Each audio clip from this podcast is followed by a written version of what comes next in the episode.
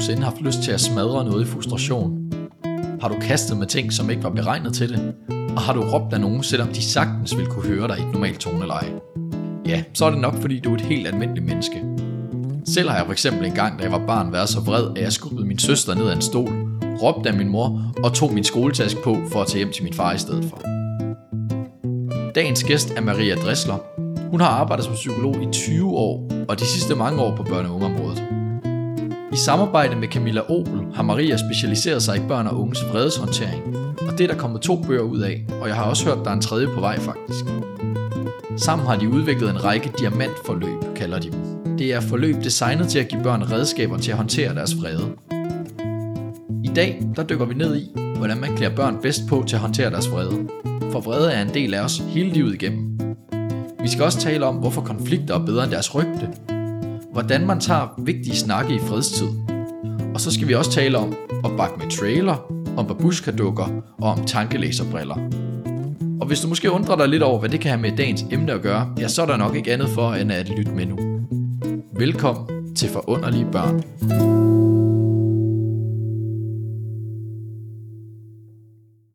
Velkommen til Forunderlige Børn, Maria. Tak skal du have. Det er jo noget med vrede børn i dag, og det, er jo, det kan også være sådan lidt øh, titelagtigt, men, men vrede kan være, kan være mange ting, tænker jeg, også, også i børnehøjde.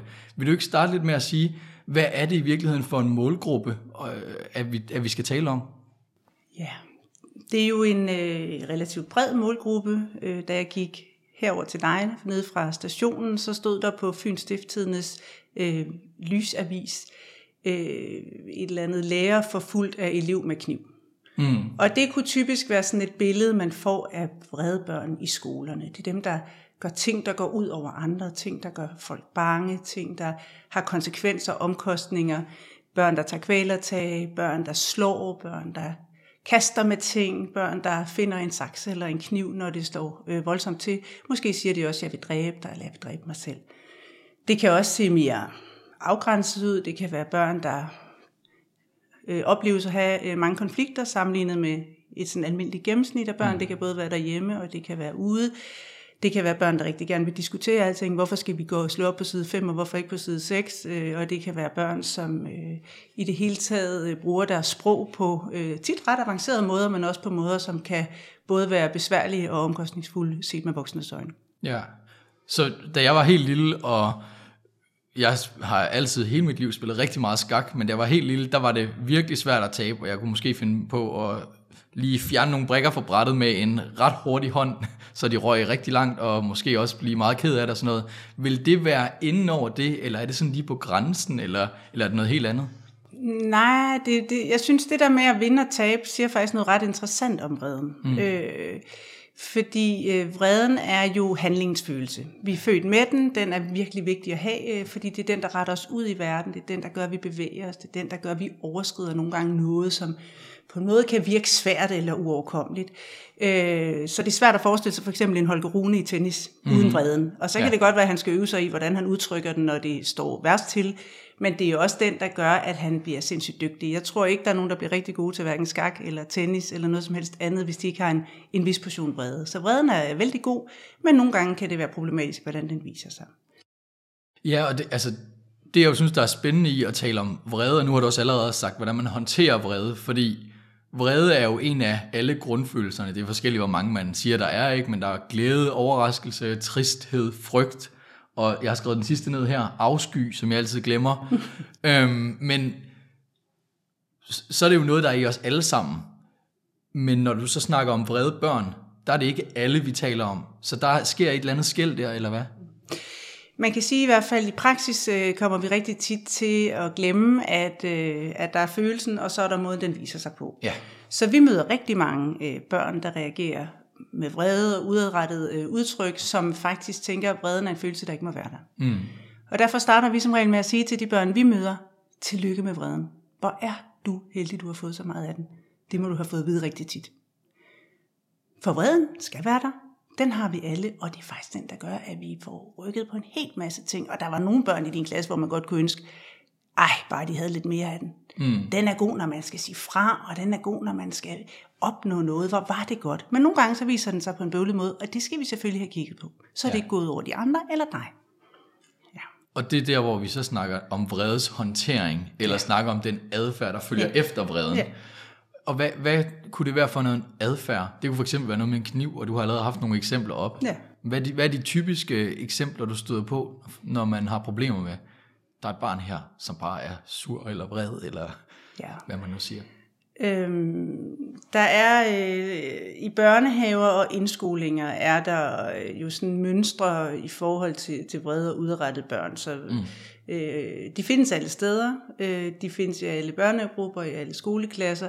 Og de er kendetegnet ved, at den måde, de udtrykker sig på, øh, bliver bøvlet at håndtere for de voksne. Og man kan komme til at synes, at øh, de gør noget, der er tavligt over for andre, eller umotiveret øh, i forhold til, hvad de i hvert fald kan få øje på, der er sket, inden at et barn reagerer.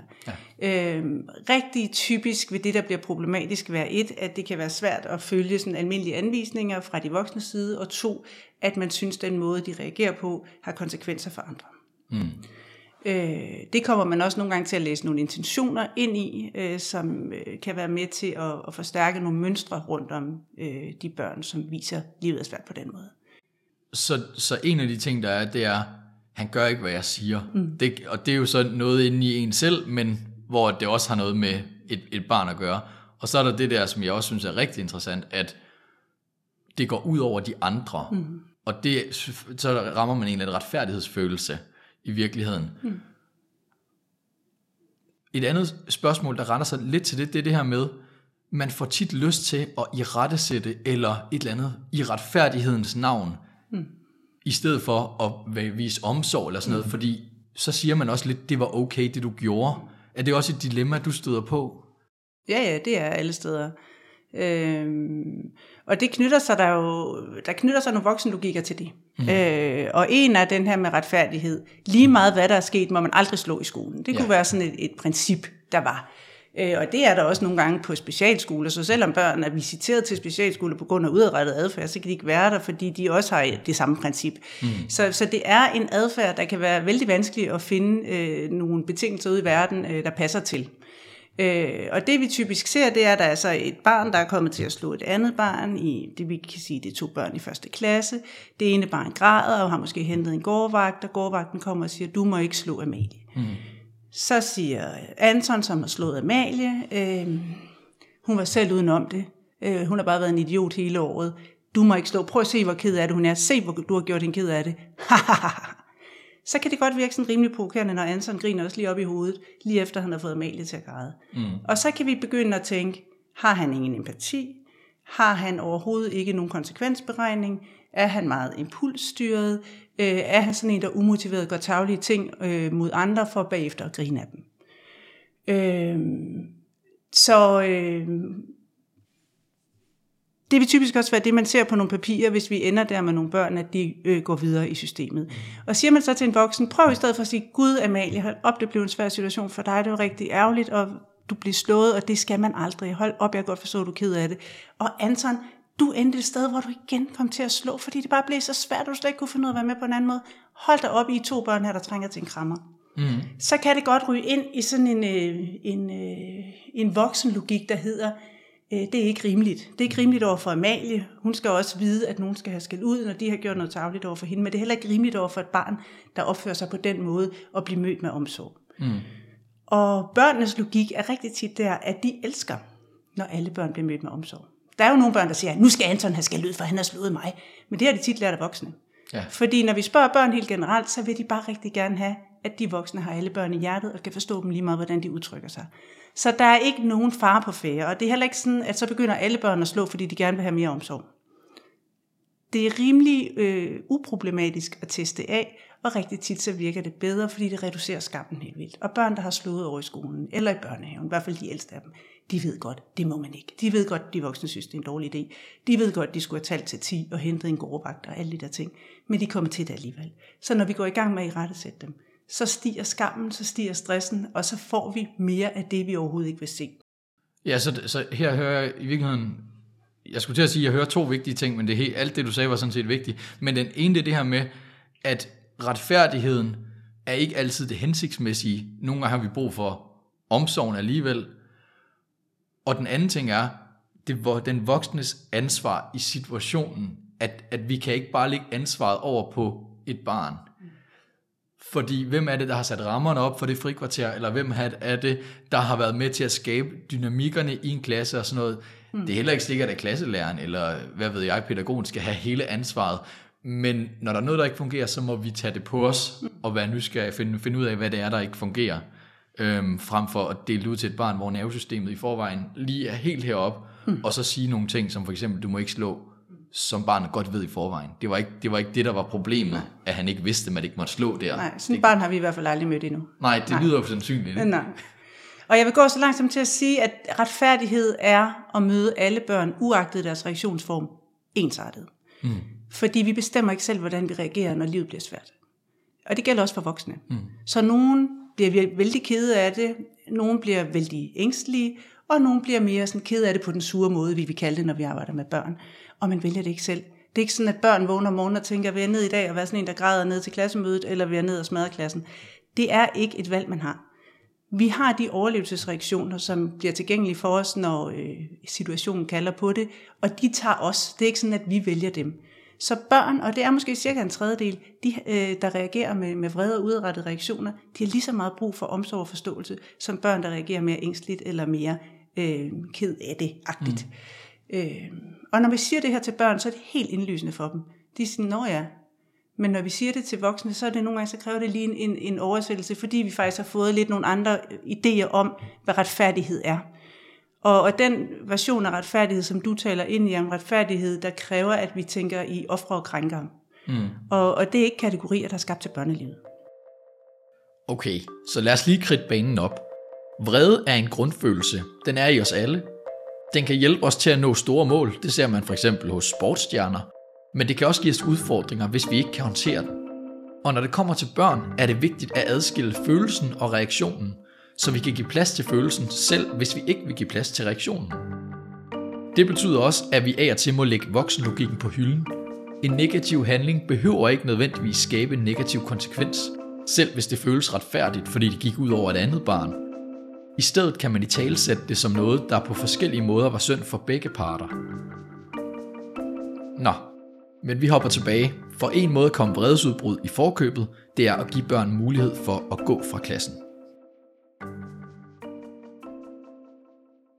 Vi ser jo indimellem, at børn, som har været meget øh, tydeligt øh, reagerende i klasserne, de får en regel, der hedder, at de må gå fra klassen. Ja. Og, øh, og det er rigtig tit en god regel, øh, indtil det også bliver en bøvleregel. Mm. For nu går han hele tiden, og han udnytter bare reglen, og, øh, øh, og der er det, som du siger, jamen der, der øh, regler er gode, indtil vi skal have lavet en ny. Og, og det er helt klart, at rigtig mange børn siger, det er blevet meget nemmere for min lærer at have klassen, øh, efter jeg har fået den regel, hvor jeg må gå, mm. fordi det er lidt svært for hende at have mig. Der har de tit ret. Det er nogle gange lidt sværere at have de børn. Øhm, men det er klart, at når de så også kommer til at, at ende med at være ude hele tiden, fordi de tænker, puh, det er også svært for min klasse, øh, når jeg er der, så bliver det jo også problematisk, og det skal det også. Og så må vi kigge på noget nyt. Altså, regler og aftaler virker, indtil de ikke virker mm. mere. Sådan er det også for os andre. Så det øh, behøver man ikke øh, at vurdere noget på baggrund af i forhold til barnet. Og jeg har lyst til at sige, det du taler ind i også med ansvar, at vi ser en helt klar tendens til, at præcis børn med denne her type adfærd, Altså børn, der slår, børn, der truer, taler grimt, siger, de er fucking ligeglade, siger, jeg gider ikke lave det, vi skal lave i skolen, for det er bare kedeligt. De børn får rigtig meget ansvar. Mm. Øh, og, øh, og rigtig tit også i nogle sådan mere sådan fællesskabsorienterede formater, hvor man kan sidde til et klassemøde og, og på, i et flot sprogbrug, men, men ikke desto mindre øh, kan tale om, hvordan hvor mange i klassen, der bliver bange for det barn, eller øh, hvor, hvor svært det er med den uro, barnet skaber for de andre i klassen. Så mange af de børn, når vi øh, møder dem, de kommer med en selvforståelse, der hedder, at, det er, at de er sådan nogen, der gør det svært for andre børn. Ja, og det, her, der, der kommer nok det store dilemma op, som gør, at lige præcis de her børn, det er dem, hvor jeg oplever allermest øh, magtesløshed mm. fra de voksne. Mm. Og det er nok det her med, at hvis man oplever, at et barn gør det svært for andre børn, så trigger det noget i en. Altså, jeg, jeg, kan huske, øh, jeg kan ikke huske, hvem det var, men der var en på et tidspunkt, der fortalte mig, at hvis man er et barn, der har brug for støtte og hjælp, så det bedste, der kan ske for en, det er, hvis man er sympatisk og likeable. Altså, der er noget der, der er et eller andet øh, stigmatisering i. Hvis man så i det mindste smiler, så har de voksne bare nemmere ved at gøre et eller andet, og det er sådan set slet ikke fair jo, at lige præcis den her type målgruppe, der har brug for hjælp, mm. får det ikke lige så meget. Det er rigtigt. Øhm, det er, vi plejer at sige, øh, det er børn, der inviterer til, at vi bruger bakmaterialer-metoden. Og hvad er det for en metode? Det er den metode, hvor vi skal gøre det modsatte af, hvad vores intuition fortæller os. Ja. For det vi har lyst til med de børn rigtig tit, også selvom vi er vældig veluddannede forældre eller professionelle, det er at tage afstand. Hvis du skal være på den måde så, eller hvis du bliver ved med at gøre opmærksom på dig selv, så kan du slet ikke få nogen opmærksomhed, eller nu må du uden for døren, eller nu må du op på kontoret, eller nu må du hjem på en tænker. Der findes alle mulige forskellige øh, sanktioneringsformer, men de handler alle sammen om at skabe yderligere distance. Mm. Så det vi skal her, det er, at vi skal gå modsat. Vi skal trække barnet tættere ind til os. Øh, det skal vi, fordi det er det, barnet har brug for, men det skal vi også for at mindske vores egen afmagt. Fordi det er kun, når vi er følelsesmæssigt forbundet til børnene, vi kan gøre noget med dem. Det er kun der, vi kan skabe en forandring. Jo mere afstand vi får, jo mere vi tænker, jeg kan ikke gøre noget, før det her barn er anderledes, og afmagten vil vokse. Så hvis vi siger, i stedet for at sige, nu er det uden for døren, du har et eller andet, så kan vi sige, hey, nu bliver det rigtig bøvlet. Så nu får du en straf her i frikvarteret. Og den er, at du skal med mig ned på lærerværelset. Og så skal du øh, have en kop kakao sammen med mig, og så skal jeg fortælle dig tre rigtig dårlige vidtigheder. Og lige meget hvad, så bliver det sådan. For jeg vil ikke have, at du forstyrrer så meget i undervisning. ja, det, der, det øh, har, har du prøvet at sige det til et barn? Ja. Og hvordan reagerer Ja, fordi jeg, jeg forestiller mig et barn, der bliver sådan lidt forvirret. Ja. Oh, hvad, hvad foregår der her? Og, og alene forvirringseffekten kan jo være ret sådan afmonterende i ja. en situation, der er ved at eskalere, så det kan være vældig godt. Øh, vi spørger børn, hvad vil du helst have, almindelig skal ud eller kysse kærlighed skal ud? Og det vil typisk også være den version, vi bruger, når vi taler med forældre. Ja. Øh, og børn siger jo, hvad er kysse kærlighed skal ud, det har de aldrig hørt om. Og, og så forklarer vi, det er, at derhjemme kunne det være, så putter jeg dig, jeg sidder mindst et kvarter ved din seng, og jeg giver dig massage, pizzamassage på ryggen, lige meget hvad du gør så bliver jeg siddende et kvarter og giver dig kram, for du skal vide, at du er min total yndlingsalberte, og lige meget hvad du gør, så slipper du ikke. Det er den, de alle sammen vælger. Den vil de godt prøve. Og øh, nogle, øh, måske især professionelle, kan godt øh, slå sig lidt på den til en mm. start og sige, ah, det synes vi måske er lige i overkanten, sådan psykologagtigt, ikke? Øh, men, men dem, der har prøvet det af, får rigtig tit ret gode erfaringer med det.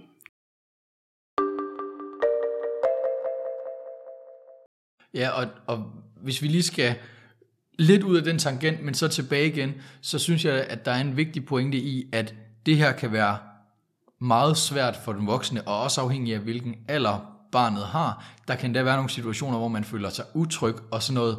Og det er jo ikke fordi, man skal tage alt på sig. Man må godt respektere sig selv og sine grænser og sådan noget. Øhm, fordi vi kan, vi kan ikke forvente alt af de her fagprofessionelle, tænker jeg. Men hvis man går ind i det, så, så har vi så nogle forskellige ting, vi kan gøre, og det skal vi snakke mere om. Mm. Har, har du noget at tilføje til den, eller er du, er du enig, uenig?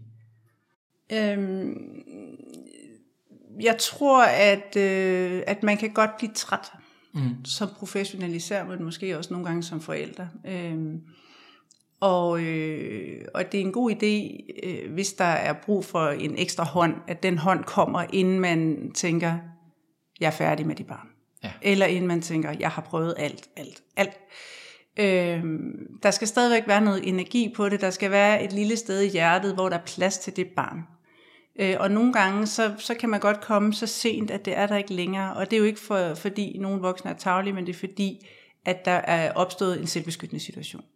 Og det er klart, så skal børn ikke være der. Så skal de have en hånd ind et sted, øh, hvor der er plads i nogle hjerter. Og, og, og, og virkeligheden er jo tit, at hvis man kommer ud i en almindelig øh, skole eller en almindelig daginstitution, så kan det godt være, at der er nogen, der synes, det er helt svært og ikke overgår mere.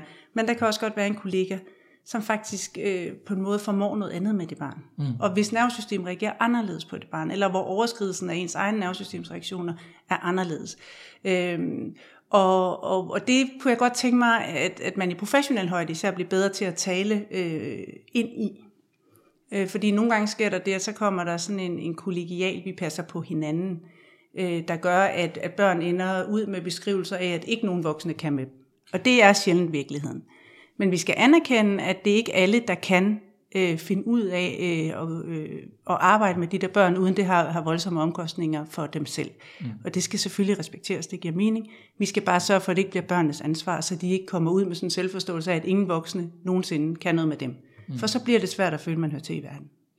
Ja, og noget af det, der kan gøre, at man kan lykkes i den situation, det er det der med at kunne bevare det rolige nervesystem, for det er faktisk det, det urolige nervesystem i barnet har brug for. Ja, ja det, det er selvfølgelig øh, det er godt, hvis man kan det. Men, men det er også fint nok at, altså, at, at køre op med hinanden, har jeg lyst til at sige, hvis man kan finde ud af at reparere. Ja. Altså, jeg synes jo, konflikter er væsentligt bedre end deres rygte. Og der er jo rigtig meget i konflikter, som er kontaktbevarende. Så børn, der har mange konflikter derhjemme, har rigtig tit også øh, nogle mønstre med deres forældre, hvor det faktisk er der, de kommer hinanden nærmest. Ja. Øhm, og, og, og tit i et forældreskab, så er der mindst en forælder, der bliver lige så agiteret som barnet, og, og, og det sker der ikke noget ved.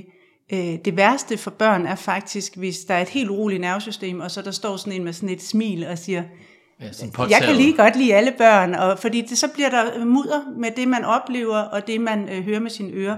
Og, og det gør børn sindssygt utrygge. Kan jeg stole på min egen oplevelse? Og så får vi endnu mere af den her øh, stressede, skamfulde adfærd, som vi ikke ønsker. Så i virkeligheden bedre med et uroligt nervesystem, man står ved, ja. end et uroligt, som man prøver at fake, man ikke har. Ja, så hvis man tror, man kan skjule det, der foregår inde i sig selv, så, så tager man tit fejl, fordi det, det er rigtig svært at skjule. Præcis. Så, både hvis man er utryg, eller hvis man er ja. sur, eller hvis man er det ene eller ja. andet. Børn ved sgu godt, når man er ret irriteret på dem, og det er fandme. Ja. Det må man gerne blive. Og så kan man sige, hey, der bliver jeg lige lidt irriteret på dig, jeg ved slet ikke lige, hvad jeg skal gøre, det må du simpelthen undskylde. Øh, det sker nogle gange, det ved du godt. Sådan er det jo også for dig. Undskyld, det er ikke meningen. Jeg kan rigtig godt lide dig, selvom jeg bliver taget på dig. Super fint. Så har man repareret. Og hvis børn lærer at reparere, det gælder også dem, der ikke er sure, altså så er det sgu lidt nemmere også at blive voksen. Ikke? Den pointe kan vi godt lige gentage. Konflikter vil altid være en del af ens liv, så det er super vigtigt at få erfaringer med, at dem kan man sagtens komme over på en god måde. Det kræver, at der er nogle konflikter, man kan lære af, så selvom man ikke skal opsøge konflikter med børn, så skal vi heller ikke gøre alt i verden for at undgå dem. Men der var også lige et par andre vigtige ting, Maria fik nævnt. For det første skal vi bruge bak med trailer-metoden.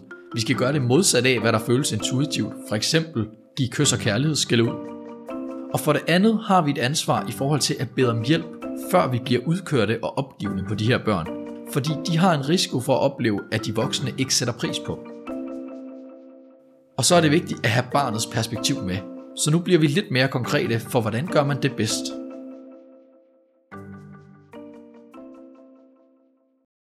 Ja, altså man kan i hvert fald sige, øh, noget af det, som øh, kan være et godt sted at starte, det er, husk at spørge børn. Ja. For rigtig tit, så øh, når vi kommer ud og snakker, og det kan egentlig både være med forældre og professionelle, og så har de øh, gjort så sindssygt mange virkelig kloge overvejelser og refleksioner. Og når vi spørger, øh, og hvad siger, hvad siger han selv? Så viser det sig, at ingen har lige øh, fået spurgt. Og, og det, der er vores erfaring, det er, at børn faktisk helt ned til 3-4 års alderen, de er ret gode til at give gode råd til voksne. Mm. Så øh, man kan med fordel gøre børn til eksperter. Ikke fordi de skal have ansvaret, men fordi vi skal flytte udviklingsopgaven væk fra barnet tilbage til de voksne. Så børnene skal være de eksperter, der fortæller os, eller fortæller deres forældre, eller fortæller deres lærere og pædagoger, et godt råd. Så hvad, hvad skulle de gøre, hvis de lige skulle kunne hjælpe lidt bedre? Nogle gange bliver det svært, så der er faktisk noget, jeg som mor eller som pædagog ikke lige helt har styr på. Kunne du give mig et godt råd? Hvad kunne være hjælpsomt? Hvad kunne vi prøve? Det, er, det kan børn ret godt lide. De kan mm. både godt lide, at det ikke er dem, der er ansvarlige for udviklingsopgaven, for tit kommer vi til at give dem nogle udviklingsopgaver, som de simpelthen ikke kan løse. Men de har også rigtig tit nogle ret gode idéer til, hvad, hvad voksne med fordel kan gøre mere eller mindre af. Øh, og rigtig tit er det meget rørende. Øhm, så, så vi taler med børn øh, som børneeksperter, og vi opfordrer også rigtig tit både øh, professionelle og forældre til at huske at spørge lidt mere. Og, og når vi så snakker med børn, så er det jo vigtigt, at børns logikker tit er meget anderledes end voksnes. Så øh, det her med at, at minde sig selv om, at nogle gange så øh, er der en oversættelsesopgave.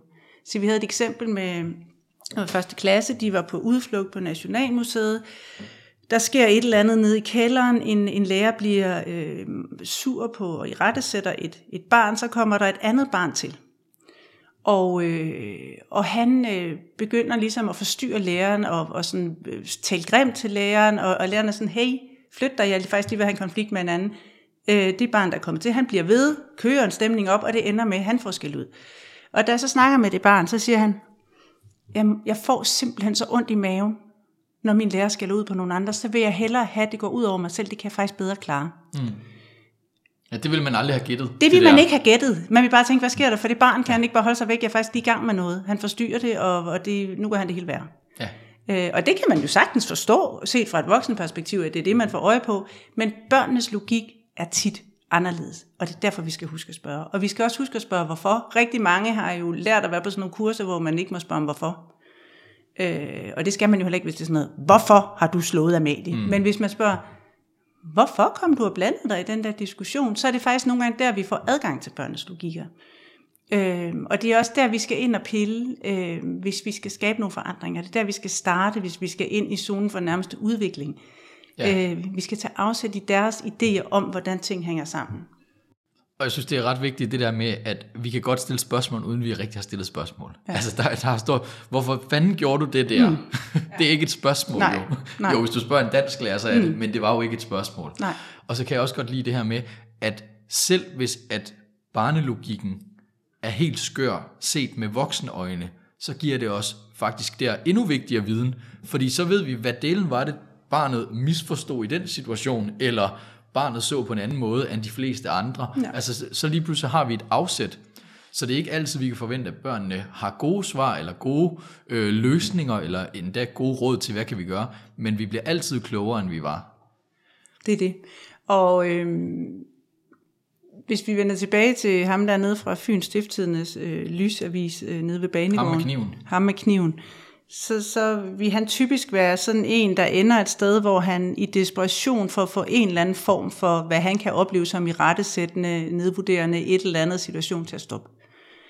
Rigtig tit så noget af det, der vil være et svar, hvis vi spørger børn ind i børns logik, hvorfor gjorde du alle de her ting, det er faktisk for at få noget til at stoppe, som er så voldsomt at være i. Mm. Øhm, og det øh, kan være rigtig godt at vide, for det er to forskellige børn, man får øje på. Er det sådan et lille, øh, fuldstændig empatiforladt barn, der bare øh, lige om lidt har dræbt en voksen?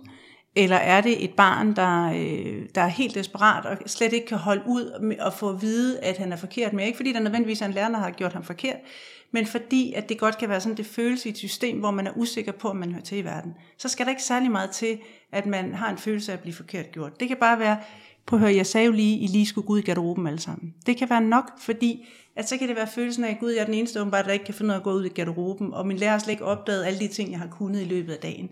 Så kan der så blive sat alt muligt følelsesmæssigt i gang. Øhm, og drengen i, øh, i kælderen på Nationalmuseet, det er jo en dreng, der faktisk øh, er omsorgsfuld over for sin ven, og tænker, jeg tager skraldet, det kan jeg bedre klare. Mm. Øh, og det er jo heller ikke nødvendigvis den version af ham, man får, når man er lærer. Og et af de helt konkrete formater, vi arbejder i, øh, i forhold til det, du siger, det er, at vi laver øh, børneordbøger. Mm. Med afsæt i, at for at tage børn alvorligt, så må vi ikke tage dem bogstaveligt. Nej. Øh, for fuck dig betyder aldrig, at de har lyst til at gå i seng med den, de nu siger det til. Nej. Øh, så det er sådan et afsæt. Så kan vi på en eller anden måde eliminere, det er ikke det konkrete, det betyder. Så kan det være, at man gerne vil sige noget grimt til nogen, man vil krænke nogen. Det er sjældent det, det, det betyder heller. Så hvis børn har sprog, så, så kan de godt være ret hjælpsomme øh, i forhold til at lave de her ordbøger. Så når du siger fuck dig, hvad betyder det så? Og det betyder, at jeg føler mig kritiseret af dig, at jeg kommer til at føle mig helt forkert. Og så fedt, så, hvis, hvis de voksne ved det, så vil de kunne sige, Gud kom jeg til at få dig til at føle dig helt forkert. Det var slet ikke min mening. Tak fordi du lige viste mig det ved at sige fuck dig. Ja. Så kan man gøre noget helt andet. Øh, jeg synes det er kedeligt, jeg gider ikke lave det, du bestemmer ikke over mig. Hvad betyder det? Er det der, jeg kunne gætte på, at det var der, øh, når du siger det Simon, at det er, når du er usikker på, om du kan finde ud af opgaven, og du er lidt bange for at komme til at sidde og synes, at alle de andre i klassen er klogere end dig. Er det det, det handler om? Øh, ja, det var det faktisk. Ja, okay, så skriver vi lige det her, fordi så ved jeg næste gang, du siger, at jeg gider overhovedet ikke lave den her opgave, du bestemmer ikke over mig, så skal det lige ned og have en hånd på din skulder, og så lige sige, okay, det er lige nu, du synes, det er lidt svært. Så hvis jeg lige hjælper dig med de første stykker. Mm. Ja, og en, en ting, som jeg også lige kom på, det kan være, det er lidt et sidespor. Ej, ikke helt, tror jeg. Men det, det er nogle af de her ting, som bliver trusler, ikke? Jeg, jeg slår dig ihjel, eller jeg sparker dig, eller sådan noget. der hvor ordbogen, den faktisk giver ekstra god mening, synes, det er, hvad er, jeg sparker dig i virkeligheden, når man siger det? Ja. Det er, jeg har ikke lyst til at sparke dig, og jeg kan næsten ikke lade være, så man siger, jeg sparker dig for at undgå at sparke dig. Ja. Altså nogle gange, Ja, ja. Og, og det er ikke det, vi tænker, når man hører en, der siger det. Men det er jo faktisk det, truslerne næsten altid er for børnene. Mm. Det er at sige, det næste, der kommer til at ske, hvis ikke vi gør noget, det er det her. Ja. Jamen lige præcis. Lige præcis. Og, og vi ser jo en... Hen over de senere år har der været flere børn, i hvert fald i mit regi, som har truet med at dræbe andre eller sig selv. Mm. Og det kan virke ret voldsomt, både i en, en øh, offentlig kontekst, altså institution eller skole, men også derhjemme. Det er jo ret ulykkeligt at have et barn, der siger sådan noget. Mm. Det er uhyre sjældent, at det handler om det bogstavelige. Øh, et selvmordstruet barn skal man selvfølgelig altid tage alvorligt, det er klart. Øh, men som absolut hovedregel, så betyder det, at børn siger, jeg vil dræbe dig, eller jeg vil dræbe min søster, eller min bror, eller jeg vil dræbe mig selv, det betyder, jeg er usikker på, om jeg er elskværdig, jeg er usikker på, om du stadig har mig i hjertet, jeg har brug for en bekræftelse af, at vi to har hinanden. Mm. Så når børn mister kontakten og er desperat efter at få den igen, så vil det typisk være det, de siger. Øhm, og det er også effektivt, for man kan virkelig mærke, at man betyder noget, når man siger lige præcis det. Men man kunne godt ønske for de børn, at de ikke behøvede at, at sige noget, der var så voldsomt, og for nogens vedkommende måske også lige være en tur omkring systemet, øhm, fordi nogen bliver rigtig bekymret og bange for ikke at gøre nok. Ja, når børn er vrede, så skal det, de siger, altså ikke tages bogstaveligt. Og her elsker jeg værktøjet børneordbøger. I det hele taget elsker jeg de værktøjer, som får vores viden ned i børnehøjde, hvor vi kan bruge den.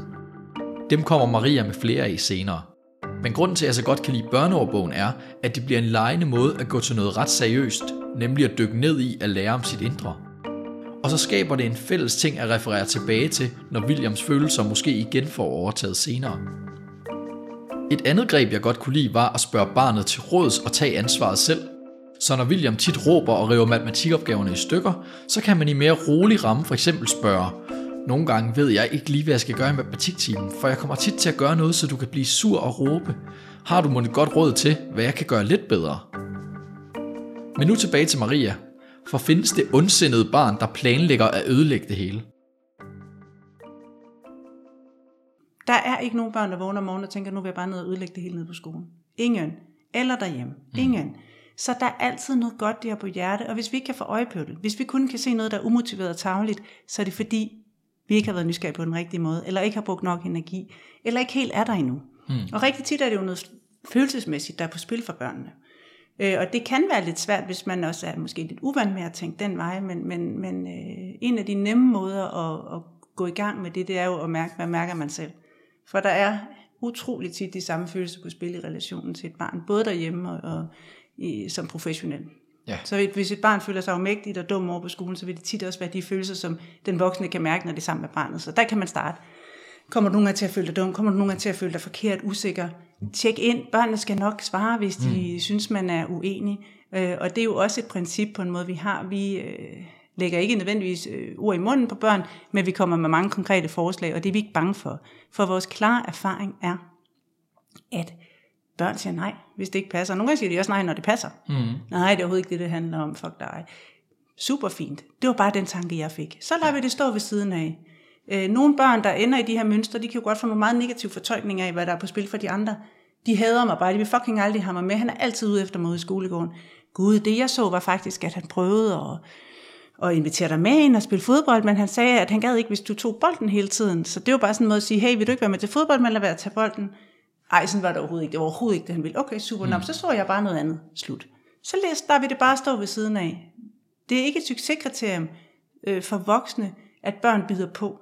Og det skal vi huske for, ellers så får vi virkelig mange nederlag, både som forældre og, og, som, øh, og som professionelle.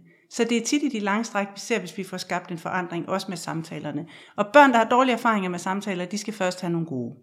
Godt. Så taler du om det her med børn, der, når de kommer i deres stressberedskab eller overlevelsesberedskab, får utrolig mange associationer. Det er jo mm. nogle gange dem, der kan ende øh, der, hvor vi øh, tænker, at der måske ADHD. De har, øh, man skal virkelig stå tidligt op for at følge med. Det hænger altid sammen, det de siger, men det kan godt sprede sig rigtig, rigtig meget i alle mulige retninger, som du lige siger. Mm. Øhm, og det, der er behovet i samtalen at, at finde ud af, så hvad er det vigtigste? Fordi den måde, de bruger sproget på, afspejler meget godt, hvor, hvor kaotisk det kan se ud ind i deres hoveder nogle gange, og hvor svært det kan være egentlig lige at få organiseret alt det, der sker. Og jo yngre de er, jo mindre er de også udviklingspsykologisk i stand til det.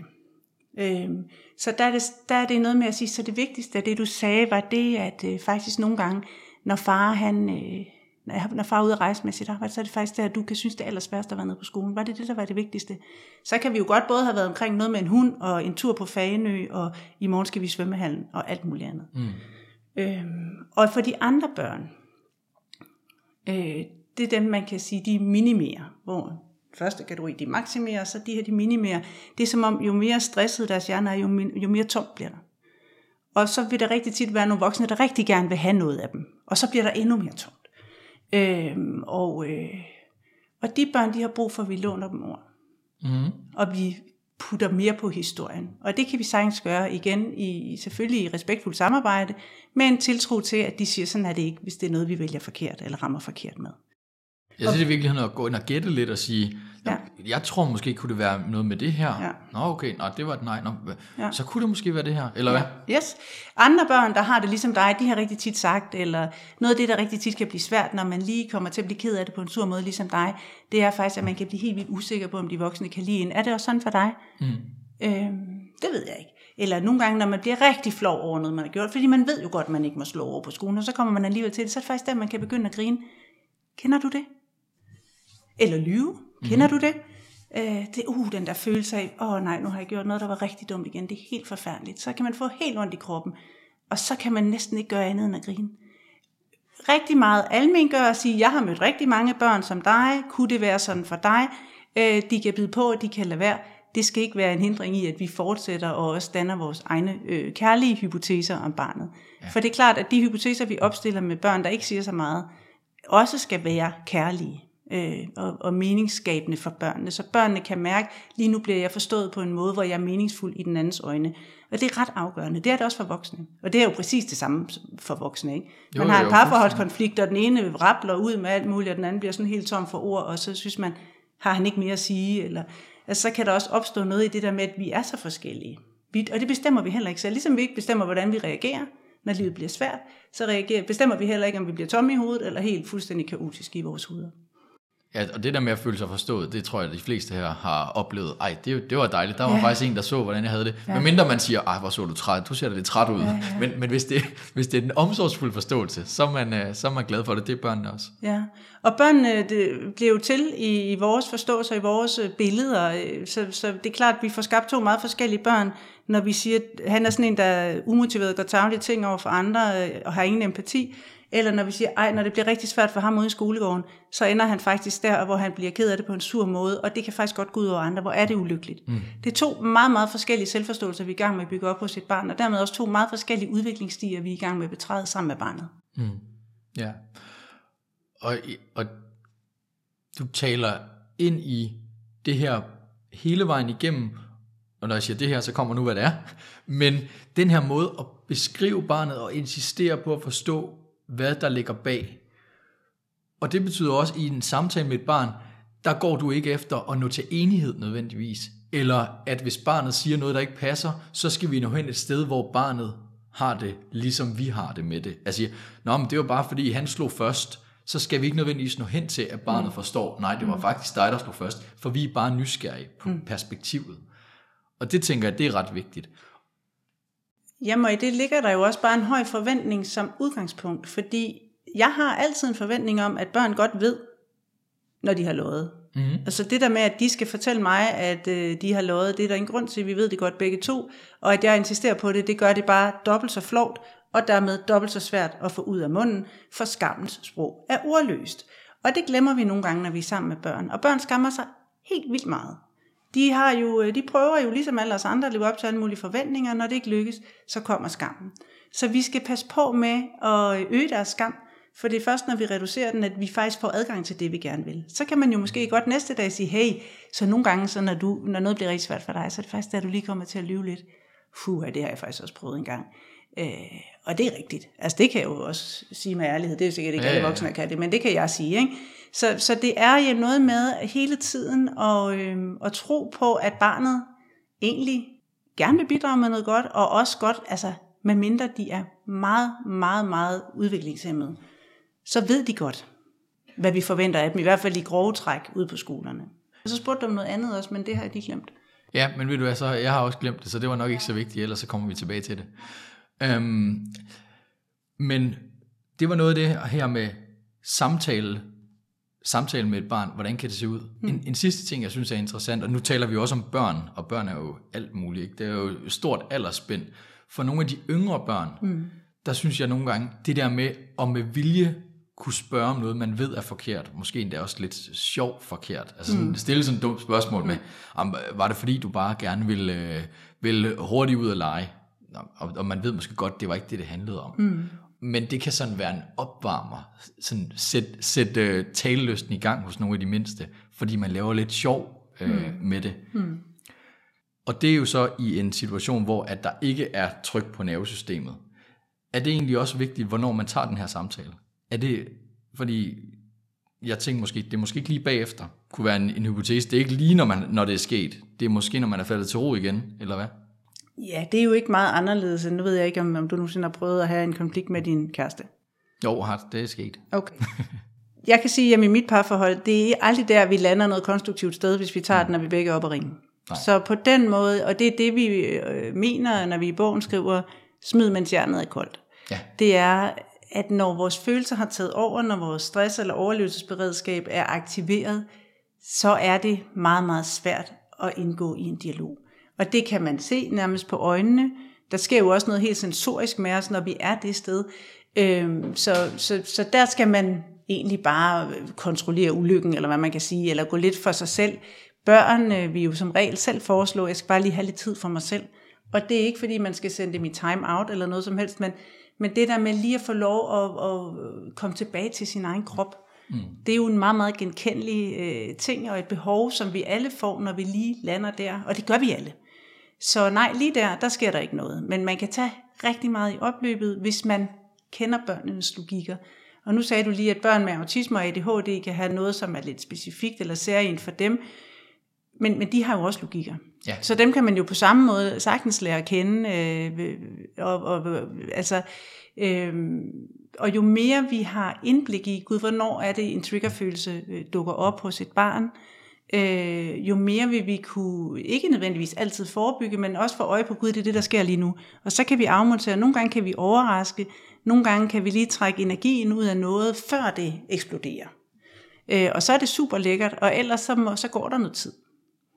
Øh, men det der med at få adresseret efterfølgende på en god måde, okay, åh, der kom du til at føle dig helt forkert, hvor var det bare ærgerligt, det var overhovedet ikke det, der var meningen huha, så man lige får den landet, for det der også nogle gange sker, det er, så eksploderer det, og så får man heller ikke talt om det bagefter, fordi det er svært, og nu er der jo ro på, og vi skal helst ikke have en konflikt igen. Det kan også være derhjemme, hvis man er sådan lidt udmattet af, at der er et højt konfliktniveau. Så kommer man aldrig til at tale om det i fredstid, fordi uh, nu skal vi bare nyde det.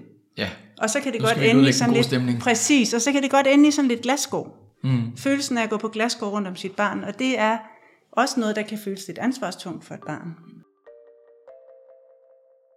De fleste kan nok genkende følelsen af ikke at vil ødelægge den gode stemning, men det bliver vi altså nødt til at gøre jer til. Og for det meste ender det med en helt anden ro indeni, hvor man føler, at man fik løst noget, fik fjernet nogle glasskår. Så nævnte Maria også to helt konkrete samtaleråd, som henvender sig til børn, som enten kan mangle ord eller har rigtig mange ord. Råd nummer et er at opsummere det barnet siger, hvor man forstørrer det vigtige, og gerne hvor man er spørgende. Så var det vigtigste af det, du sagde, kunne være et eksempel. Råd nummer to, at låne børn ord. Her kommer vi med hypoteser om, hvad der kunne foregå inde i barnet. Det er lidt mere sårbart, så vi skal være opmærksomme på, at vores gæt er kærlige og meningsskabende for barnet, og så kan det være en fordel at normalisere det ved for eksempel at sige, mange børn, jeg kender, har det sådan her. Har du det også sådan?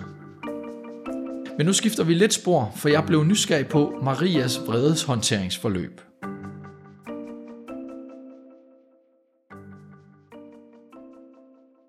Jeg ved også, I har lavet sådan nogle øh, forløb, diamantforløb hedder de vist, ikke? Ja. Øhm, for nogle af de her børn, som måske er skruet lidt højere op end gennemsnittet på nogle af de her ting. Med øh, vrede, og hvordan man håndterer sin vrede og sådan noget. Du kan også lige mm. riste lidt med op, mm. hvad, hvad der mm. lige ligger i det. Men der forestiller mig, at der laver I en masse ting med de her børn, mm. som måske også kunne give mening at lave uden for sådan et forløb. Mm. Kan du sige lidt om, hvad forløbet er, og hvordan, ja. hvad, I, hvad I laver? Hvad laver I inde bag døren?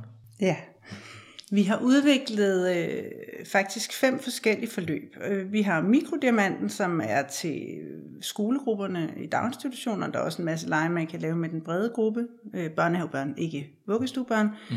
Så har vi øh, minidiamanten, som er indskolingsprogrammet, som kører klassebaseret. Altså det skal foregå i de fællesskaber, børnene allerede er i, og helst inden at Anton er blevet et problem i første A, mm. fordi formålet er at, at, at almengøre børns følelsesmæssige udtryk, øh, gøre børnene bekendte med, at indeni er der noget, der er ens, men udenpå ser det enormt forskelligt ud, for jo mere trygge de kan være ved det, jo mindre kommer det til øh, at, at skabe fronter i klasserne. Så har vi mellemdiamanten, som er altså vores mellemtrinsprogram, og det fungerer på samme måde som minidiamanten, altså i børnenes normale fællesskaber. Ja. Så har vi diamantforløbene for unge, som findes i en gruppeversion og et individuelt design, og det er for grupper af unge med problemvrede. Og, og det, hvad, er der en alder, hvor man siger, der skal vi være så så gamle, eller?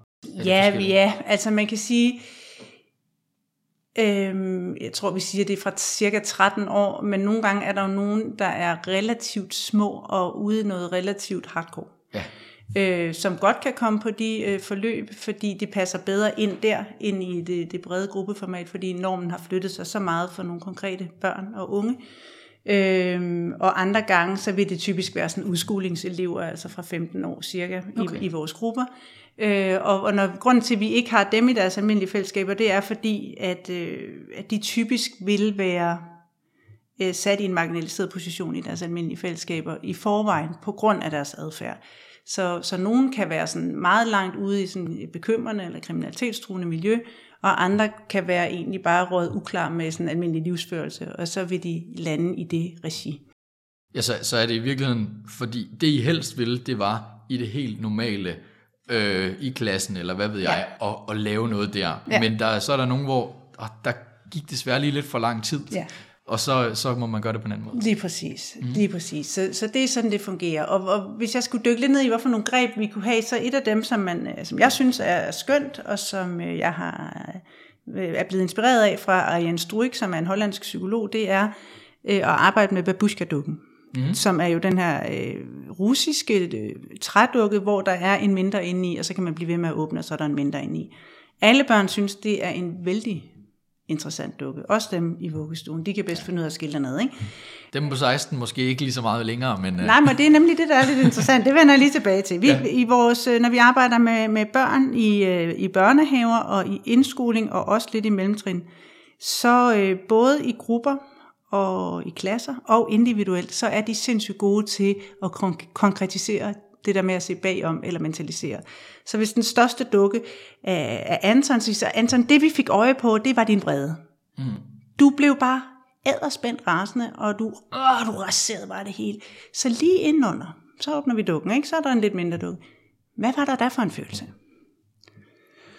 Jamen, der var jeg måske ked af det. Okay, så faktisk der var du ked af det, og så åbner vi igen, og var der andre følelser? Ja, så var der måske bange. Øh, jeg, jeg var måske bange for, at ingen ville lege med mig. Så hjælper vi lidt, og rigtig tit er det her jo spundet ind i, at vi har snakket noget om nogle forskellige følelser og sådan ja. noget. Øh, og, og formålet er jo både individuelt i familier, men også i klasser, det er for differentieret øh, det følelsesmæssige udtryk, og at børnene helt konkret kan blive klar over Gud, inden under det, jeg viser, der er der faktisk også alt muligt andet. Og nogle øh, børn, der bliver ked af det på en sur måde, når man spørger dem, er du ked af det, så vil de bare sige nej. Så vil de mhm. sige nej, jeg bliver bare irriteret så er det det eneste ord, de refererer til. Der, der er sådan god selvbeskyttelse. Sådan, ikke? Man har også nogle gange en tanke om, at der er kun én følelse i mig ad gangen. Altså, ja. så hvordan har du det lige nu? Så er det ikke som man siger, ja, men 20% øh, ked af det, 80% vred. Altså, ja, ja, man, man ja, siger én ting, ja, ikke? Ja, lige præcis. Og børnene er sindssygt gode til det. Og faktisk nogle af dem på 16, de synes ikke, det er så street at have den i gruppe. Men, men hvis man sådan lige kan øh, have, sidde med dem individuelt, så synes de faktisk, det er sådan vildt øh, dejligt at kunne få lov at sidde med den der dukke. Så kan man godt sidde, at det er den næststørste, eller den næst, næst største, der er vreden eller angsten, eller så kan de sidde sådan og gå meget op i, ja, hvad var egentlig den største følelse? Og det er også, øh, jeg har faktisk haft den, nu mine børn vil være store, men jeg har haft den hjemme på, på aftensmadsbordet, fordi den kan være meget god til lige også at sige, hvis der er sket et eller andet i skolen, og og for lige at gå, komme et spadestykke dybere end sådan noget godt nok, eller hvad, hvad sådan et barn nu kan sige, når det kommer hjem, så kan den være meget god til sådan lige at facilitere en, en, en samtale, og også holde for voksne, og holde sig på sporet af det følelsesmæssige. Så okay, så noget af det, der bliver svært, og du kommer til at føle, og hvad, skal vide, hvad den anden har følt, og sådan, ikke? Man kan jo også bruge den i en konflikt, så kan man sige, så hvordan var det for dig? Så kan man tage den der dukke og, og gøre ja. det over hos den anden. Fordi det, du var inde på før med, at jeg synes altid, at den anden har startet. Sådan er det jo også nogle gange for voksne. Ikke? Mm. Altså, så synes man, når jeg skændes med min mand, så synes jeg altid, det er ham, der har startet. Og sjovt nok har han det omvendt. Altså. Ja, og altså konflikter, de er der jo hele vejen op igennem livet, skal man også huske. Det er jo ikke, det er jo ikke noget med, at børn, de skal lære at et eller andet, og så er der ikke konflikter mere, når man er 18. Det, altså, der er jo en grund til, at det er svært, og en grund til, at det også eksisterer øh, i Israel og Palæstina, og hvad ved jeg, som vi nu har med at gøre. Ikke? Altså det, der, ja. er, der er konflikter over det hele, og ja. vi, vi skal lære at håndtere dem. Ja, okay, så, så der er den her dukke, som også er rigtig spændende for de mindre, så kommer der en periode, hvor i hvert fald når man er sammen med sine kammerater, så er den ikke super sej, og så når man er voksen, der kunne man sikkert sagt, at synes, den var sej igen, ligesom så mange andre ting i de der teenageår, ja. med at det, nej, vi nu leger vi heller ikke mere, og det er ah, brætspil, det, det er ikke sejt og sådan. Så det, det måske øh, viser meget godt, hvordan det kan være at være teenager. Ja. Men det er også en god måde at føle sig sådan lidt kompetent på sig selv, ikke? At, fordi ja. man, det bliver sindssygt konkret, og det kan der jo være noget rart i, fordi det er jo sindssygt fluffy alt det, der fungerer inde i, altså. Ja. Øh, og det er det jo for os alle, men det er det jo især for børn og unge. Og, mm. øh, så, så. og et andet greb, vi bruger, som også er helt konkret, og som er inspireret af den øh, tysk-engelske psykiater Aya Asen, det er det, vi kalder tankelæserbrillerne. Ja hvor vi øh, arbejder med børns mentalisering. Vores afsæt er, at alle børn i ro kan mentalisere. Ja, så og mentalisere man er, det her med at sætte sig i en anden sted, ja, kort sagt. Ikke? Se sig selv øh, udefra, og, og, og se andre indefra. Og det der med at se sig selv udefra, det bliver man jo tvunget til, fra man jo går i børnehave mm. med sådan noget selvvurdering, øh, halløj. Øh, men, men, men det der med at træne, både at mærke sit eget, og også forholde sig til de andres virkelighed, mm. øh, det er jo noget, vi går vældig meget op i, og det er noget, børn bliver vurderet på rigtig meget, øh, også øh, i sådan uddannelsesparathedsvurderinger og sådan noget, men vi er ikke særlig gode til at konkretisere, hvad vil det sige. Og der arbejder vi med det greb, der hedder tankelæserbrillerne, som også kan være godt i familie. Det er, nu skal, når jeg tager de her briller på, så kan jeg se ind i dig. Så kan jeg regne ud, og det er bare nogle helt almindelige sorte solbriller, så kan jeg regne ud, hvordan det er at være dig. Kan vide, mm. hvorfor du er glad i dag, eller kan vide, hvorfor du faktisk er i lidt dårlig humør i dag. Du har måske haft en dårlig morgen, eller øh, når vi laver det med familie, familier, så vil det jo typisk være, at det, man beder nogle forældre om at sige, så kan vide, hvorfor dit barn altid laver konflikter, når de skal spise. Kan vide, hvad der er på spil for dit barn. Hvis du lige kigger ind i dit barn, så hjælper vi lidt. Øh, rigtig mange er rigtig gode til det, men nogle gange kan det også være svært, hvis man lige har fået sådan en idé om, og er, er de her tankelæserbriller, er det noget barn til barn, eller er det barn voksen, eller er det, det er i virkeligheden alle mulige? Det er alle mulige ja. sammenhæng, man kan... Ja, i, i børnehøjde, altså vi, vi laver den i klasser, vi laver den mm-hmm. på mhm. minidiamantforløbet, øh, og nogle gange også i børnehaver. Øh, så der er det børn til børn, og der vil det typisk være, har du haft en god dag? Er det derfor, du er glad? Mm. Så siger du ja, og så bliver de helt stolte. Og sådan, oh, ja, jeg gættede det. det. Ja, ja, lige præcis. Og så kan det udvikle sig, hvis man sådan bliver fortrolig med det. Så kan det også være sindssygt godt til konflikthåndtering i en klasse, for eksempel. Og der mm. er jo øh, erfaringsmæssigt ret mange konflikter i en indskoling. Ja. Så det der med at sige, så jeg blev sindssygt ked af det, fordi at uh, Tobias kaldte mig for en lort, og uh, så sagde jeg også bare til ham, at han havde bare ingen venner, og ingen kan lide ham. Og så kan man starte der, så, så kan vide, hvorfor Tobias kaldte dig en lort. Kan du lige kigge ind i Tobias? Mm. Øhm, og så skal Tobias bagefter sige, hvad, så kan jeg vide, hvad der skete over i øh, Peter. Øhm, og, og hele ideen er, at man skal være man skal være mega fortrolig med, hvad man selv føler, og man skal tage det alvorligt, og man skal kunne sige til og fra, og så skal man også kunne sige, hm, luk, og hvad sker der over hos den anden? Det er faktisk sådan, det er nemmest at være i verden. Ja, og en, en ting, jeg har lyst til at koble på, fordi det her med mentalisering og ja, i virkeligheden er det to forskellige ting, ikke? At kunne mærke efter i sig selv, og kunne regne lidt ud, hvordan en anden har det, er to forskellige kompetencer, og det er jo noget, der udvikler sig hos børn, så alle er ikke lige gode til det, og særligt nede, jo yngre man er, jo sværere er det. Mm. Øhm, så jeg har for eksempel siddet med et barn på et tidspunkt, hvor, at, hvor vi simpelthen prøvede at arbejde med noget af det her, hvor så har, jeg, så har jeg givet ham en opgave, og så spurgte jeg, hvorfor tror du egentlig, jeg har givet dig den? Jamen, det ved jeg ikke. Og så kom der ikke rigtig mere. Mm. Og så måtte vi jo sådan, nå okay, nej, men, og man ved jo faktisk aldrig helt, hvorfor folk de gør, som de gør, eller men kunne du komme med en idé til det, mm. eller hvad ved jeg. Og det, det jeg godt kan lide ved de her tankelæserbriller, det er, at du også siger, vi kan introducere dem, før der er noget problem, mm. og så har vi et sprog til at sige, okay, lad os lige prøve tankelæserbrillerne, mm. og så er man allerede fortrolig med det, der hvor man skal bruge det. Mm. Den anden ting, jeg godt lige kunne tænke mig at koble på, det er, at det der med at sætte sig en anden sted, det er også noget, altså måden det udvikler sig på, tror jeg, og den er lidt for en regning, det er i starten, så kan jeg måske sætte mig ind i, hvad, hvordan er det fysisk at være i dit sted? Du ser noget andet, end jeg ser. Jeg kan vende mig om og kigge, om, okay, du, du ser det her. Det kan jeg være rimelig sikker på. Men når det så kommer til at skulle sætte mig følelsesmæssigt eller tankemæssigt i dit sted, hvad tænker du man på lige nu? Mm. Jamen, det kan være, at du sidder sikkert og lytter til mig, håber jeg. Det håber ikke, du tænker på det i aftensmad.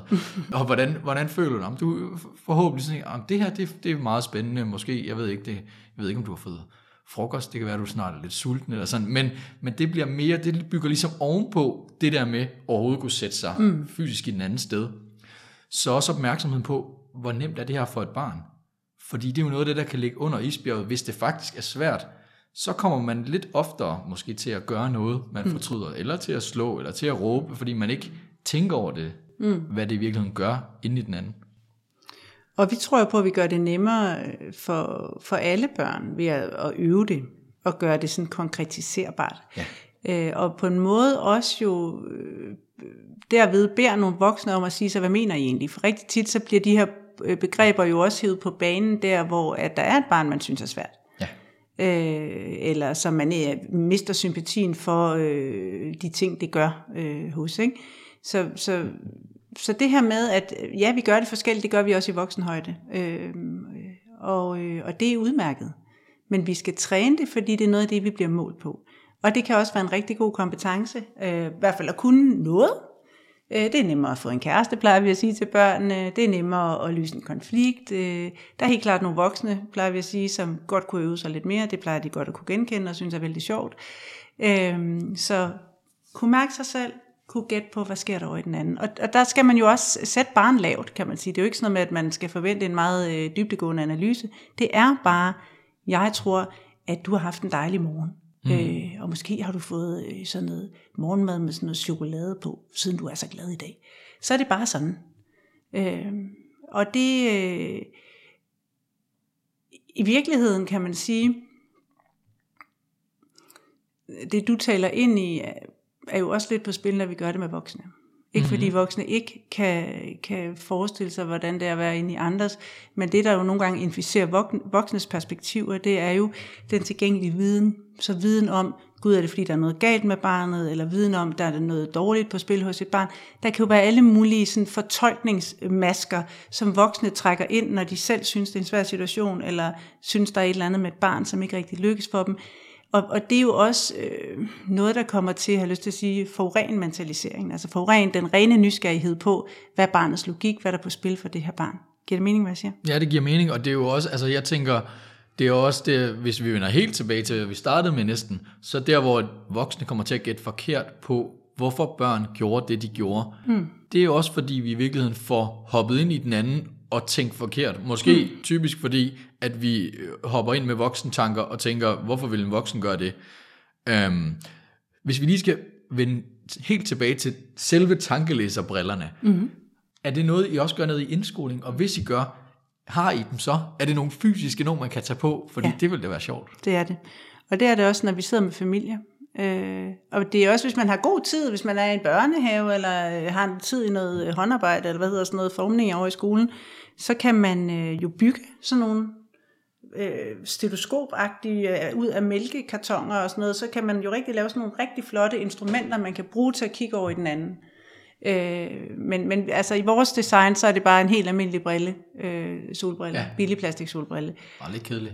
lidt kedelig, men mange børn er sådan lidt optaget, hvor er knappen? Det er ja. jo sådan de elektroniske børn, vi har.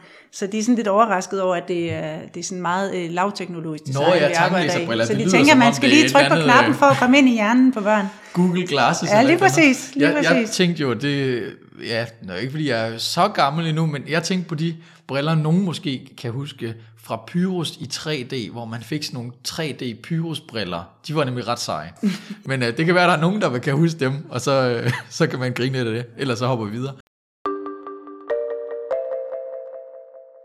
Så vi har altså de her tankelæserbriller, så har vi den der babushka-dukke. Det er to helt forskellige ting. Mm.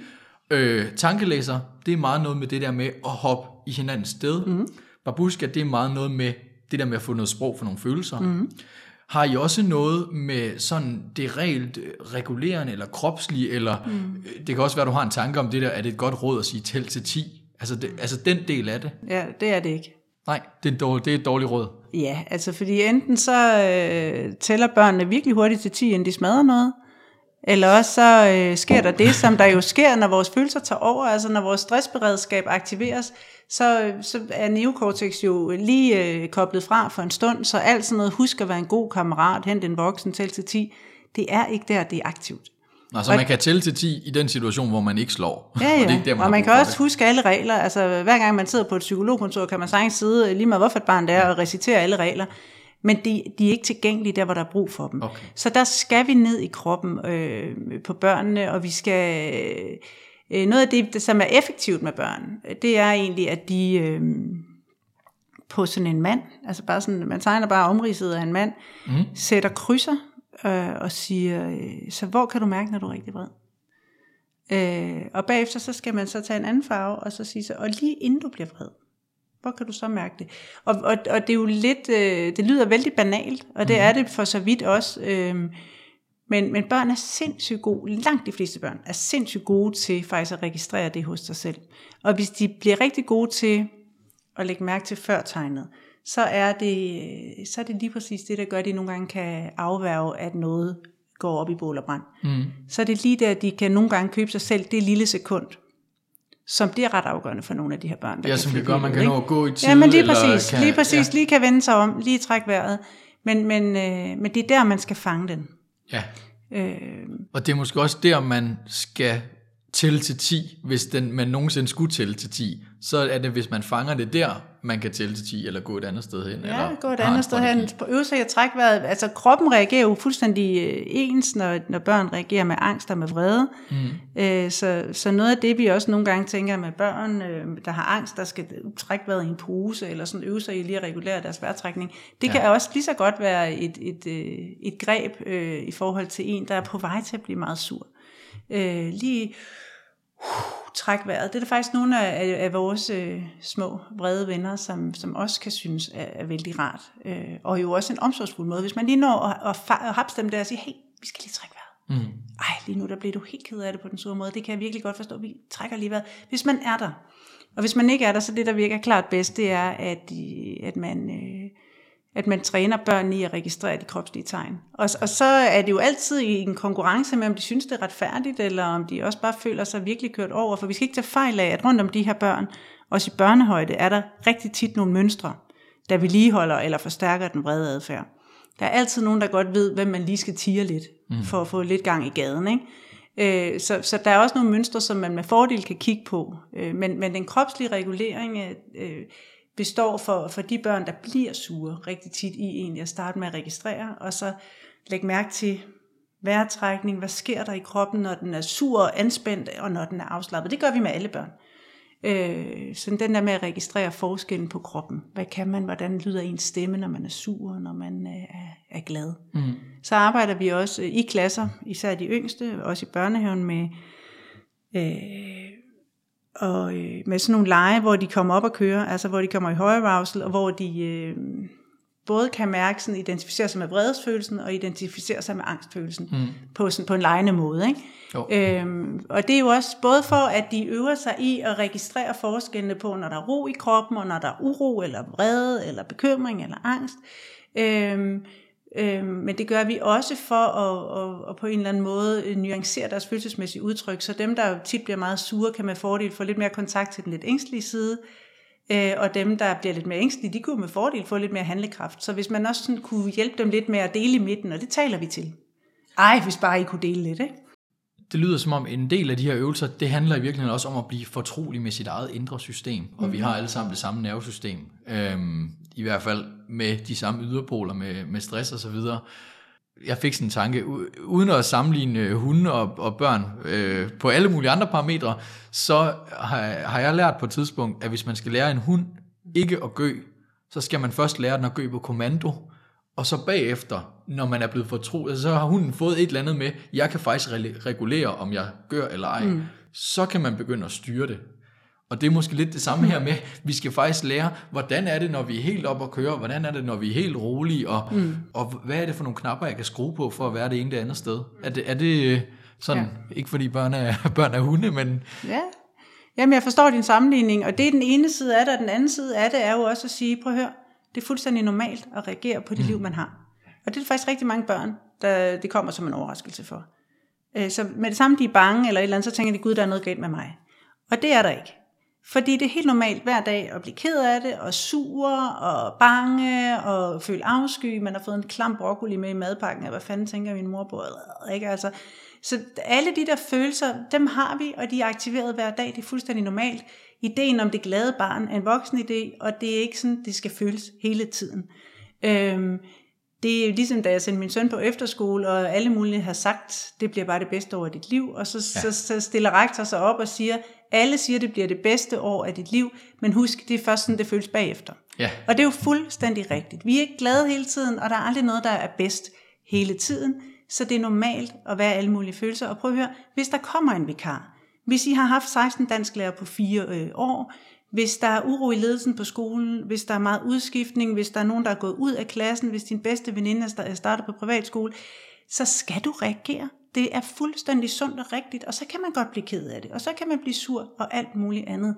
Fordi der er jo sådan ligesom en, en overskrift i, i min måde at tænke på, der hedder, at vi skal hele tiden have for øje, hvad er det for nogle betingelser, øh, som børnelivet har? Hvad er det for mm. nogle forventninger, der på en eller anden måde øh, er, er ens for alle børn, som er nogen, de skal leve op til. Og de er relativt høje, og de er relativt presset. Der, altså, der, der er kæmpe store krav til præstation. Der er kæmpe store normative forestillinger om det rigtige barn, som jo både påvirker forældre og professionelle, men jo først og fremmest børn.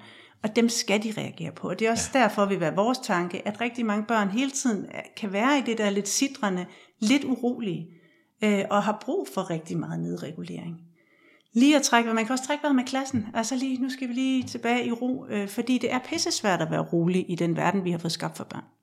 Ja, og altså, jeg synes, det er en rigtig vigtig ting, du kommer ind på her. Også fordi, hvis man skulle, altså, hvis man skulle kritisere noget af det, der er podcasten hers afsæt, så er det, det kommer til at handle rigtig meget om barnet, rigtig meget om inde i barnet. Nu har vi jo lavet et afsnit om angst også, og det er også en diagnose, der er inde i barnet. Vi kommer også til at lave et om autisme og sådan noget. Øh, men det er i hvert fald ikke det, der er hensigten, at hele ansvaret lægges derind, og alle årsagsforklaringerne lægges derind. Mm.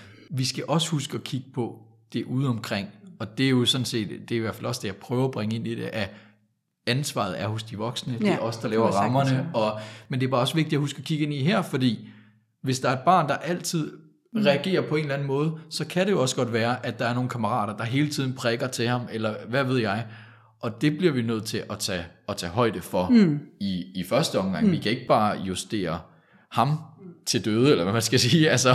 Jamen, fuldstændig enig, og, og, og jeg havde en, øh, en dreng på et tidspunkt, som øh, havde fået øh, karakterer, og ikke super høje karakterer, og han var sådan en, som lærerne synes var lidt besværlig, og mm. ikke sur, men, men meget rolig.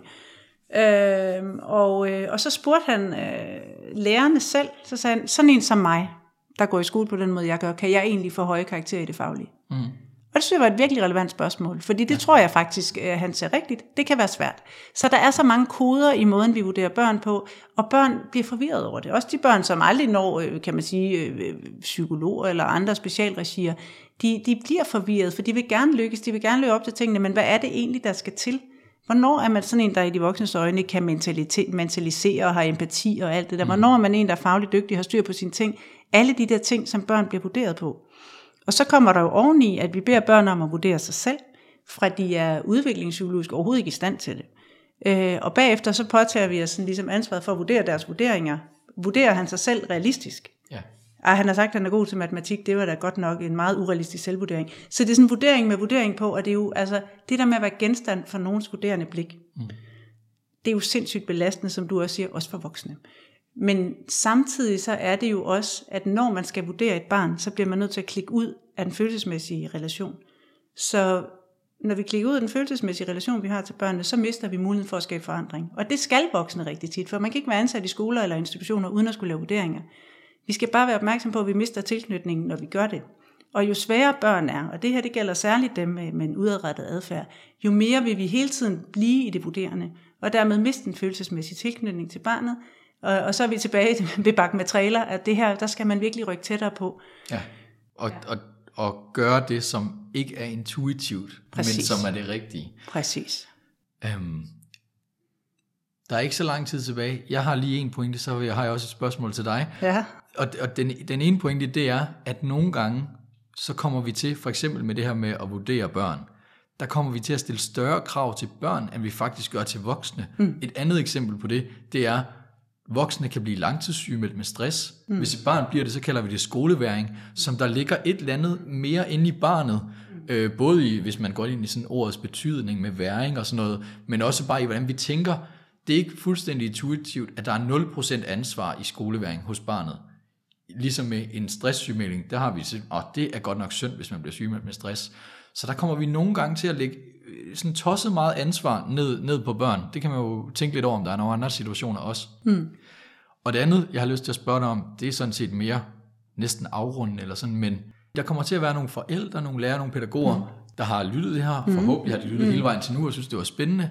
Men det, der tit kan ske, det er, at man får en masse viden ind, mm. men det kommer ikke ud i den anden ende af maskinen til noget, som faktisk gør noget for børnene, fordi det er svært at omsætte. Yes. Så er der nogle, en, en tanke, som er vigtig at tage med sig, hvis man bare skal tage en ting med, eller en ting, man kan gøre, hvor man siger, hvis du går ud og gør det her, så er det i hvert fald blevet lige en tand bedre, end det var i går.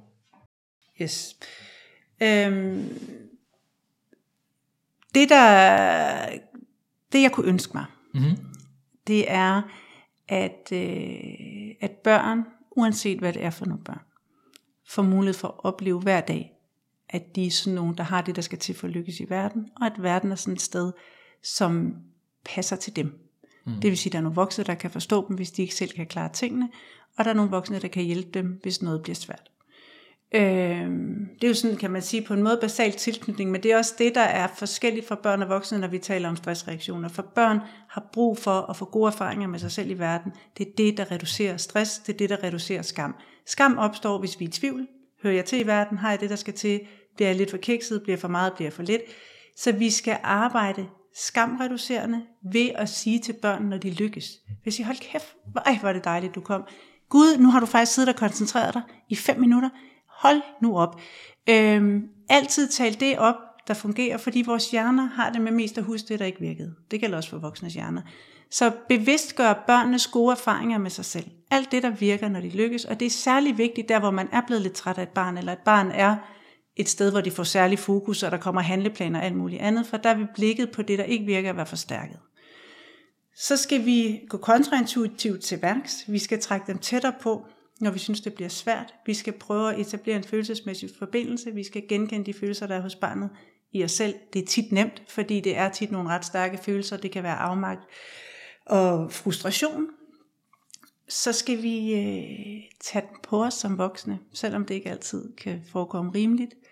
Sige undskyld for alt. Vi har brede skuldre, og vi reducerer skam hos børn, og dermed også problemadfærd og stress, når vi siger, det var mig, jeg fik dig til at føle dig helt forkert, det må du simpelthen undskylde, det var ikke min mm. mening. Og så, hvis det ringer ind, prøv med kys og kærlighed skal ud. Ryk, det er det samme, det er lidt ryk barnet tættere på, når det er allersværst værst at sige, hold op, hvor er det godt, du øh, bliver ved med at insistere på at bevare kontakten, hvis det er derhjemme. Bliver du helt i tvivl, om vi bedre kan lide din lillebror end dig? Det er virkelig så godt, du viser det så tydeligt, fordi det er faktisk ikke sådan der. Men det er rigtigt, nogle gange får du mere skal ud. Og det har ikke noget at gøre med, om vi elsker dig. Så var det godt, du lige gjorde opmærksom på det ved at lave en konflikt. Ja, og jeg synes, det, det er et rigtig godt eksempel, du kom på det der. Og det, det er det, der tit sker, synes jeg, når man laver podcast og taler med nogen, der har arbejdet rigtig længe med noget, det er, at det lyder rigtig nemt. I praksis kan det være rigtig svært, men du har for eksempel bare de gode eksempler på, hvad er det med helt konkret, man kan gøre i den her dilemmafyldte situation, så man kan faktisk godt være omsorgsfuld Både over for hende, der blev slået, og ham, der slog, hmm. uden at det bliver sådan noget med, at det er okay at slå. Altså man, man kan godt sige noget, jeg kan ikke engang huske, hvordan du formulerede det, men så må man spole tilbage og lytte hmm. til det. Men bare altså, den der tanke med, vi kan godt vise omsorg for begge steder, og så lige pludselig så er dilemmaet ikke så stort, fordi det var det, jeg ikke ville. Jeg vil ikke kun være på den ene side. Så, ja. men, men, øh, og det er så måske også det sidste råd, det er jo, ja. på, at vi er jo bare mennesker, også når vi er voksne. Det siger vi nogle gange til børn. Altså vi har måske større kroppe, men det er ikke altid, at voksne er klogere end børn. Så nogle gange, så kommer jeg til at, øh, at sige noget, der er helt vildt dumt. Og det på, det, min, hvis mine børn var der, så ville de være de første til at sige, det er fuldstændig rigtigt. Du siger virkelig mange dumme ting. Ikke? Og, og, og der bliver det vigtigste at reparere. Så sige, ej for fanden, altså nu bliver jeg bare den der virkelig kiksede version af mig selv. Det er ret fint at lære børn at reparere, man skal ikke være rigtig hele tiden, det kan ikke lade sig gøre. Det, bliver, det gør, at familien bliver en præstationsarena. Det gør, at man hele tiden skal føle sig forkert, når man går på arbejde over på skolen. Så nogle gange bliver man kikset, så reparerer man, og så lærer man også børn, det er helt normalt nogle gange at blive kikset. Hmm. Ja, så vi kan også være en rollemodel her. Ja, præcis. Jamen, det var nok det, tiden, der gik også og den, øh, jeg synes, den gik med noget godt, så jeg vil bare sige mange tak, fordi du ville være med. Det var super fedt. Og øh, så skal vi ud og være mere omsorgsfulde over for de børn, som måske inviterer mindst til det. Ja, lige præcis. Lige præcis. Tak fordi jeg måtte være med. Jeg håber, du er enig med mig i, at tiden gik med noget godt. Inden vi slutter, har jeg simpelthen taget nogle noter til dig. For hvis jeg kender dig ret, har du været travlt optaget af at køre bil, tage opvasken eller måske strikke noget fedt. Her kommer noterne i hvert fald. Vi skal bruge bak med trailer-metoden og gøre det modsatte af, hvad der kan føles intuitivt, når vores voksenlogik fortæller os, at en negativ konsekvens er det eneste retfærdige. Vi skal bruge mere kys og kærlighed ud, og så skal vi tage ansvaret, så børn ikke kommer til at føle sig forkerte. Og her kan jeg gå foran med et godt eksempel. Undskyld til de børn, der har lyttet med. Jeg kom simpelthen til at sammenligne jer med hunde. Det var min fejl. Men når det nu skal være, så er det da ikke det værste dyr, jeg kunne have valgt. Altså, de elsker naturen, og de har ikke svært ved at fjerne snuden fra en iPad. Altså, jeg tror faktisk, jeg vil vente om at sige, at jeg vil ønske, at børn var mere som hunde. Eller det blev måske ikke bedre af. Nå, vi lyttes i hvert fald ved på onsdag.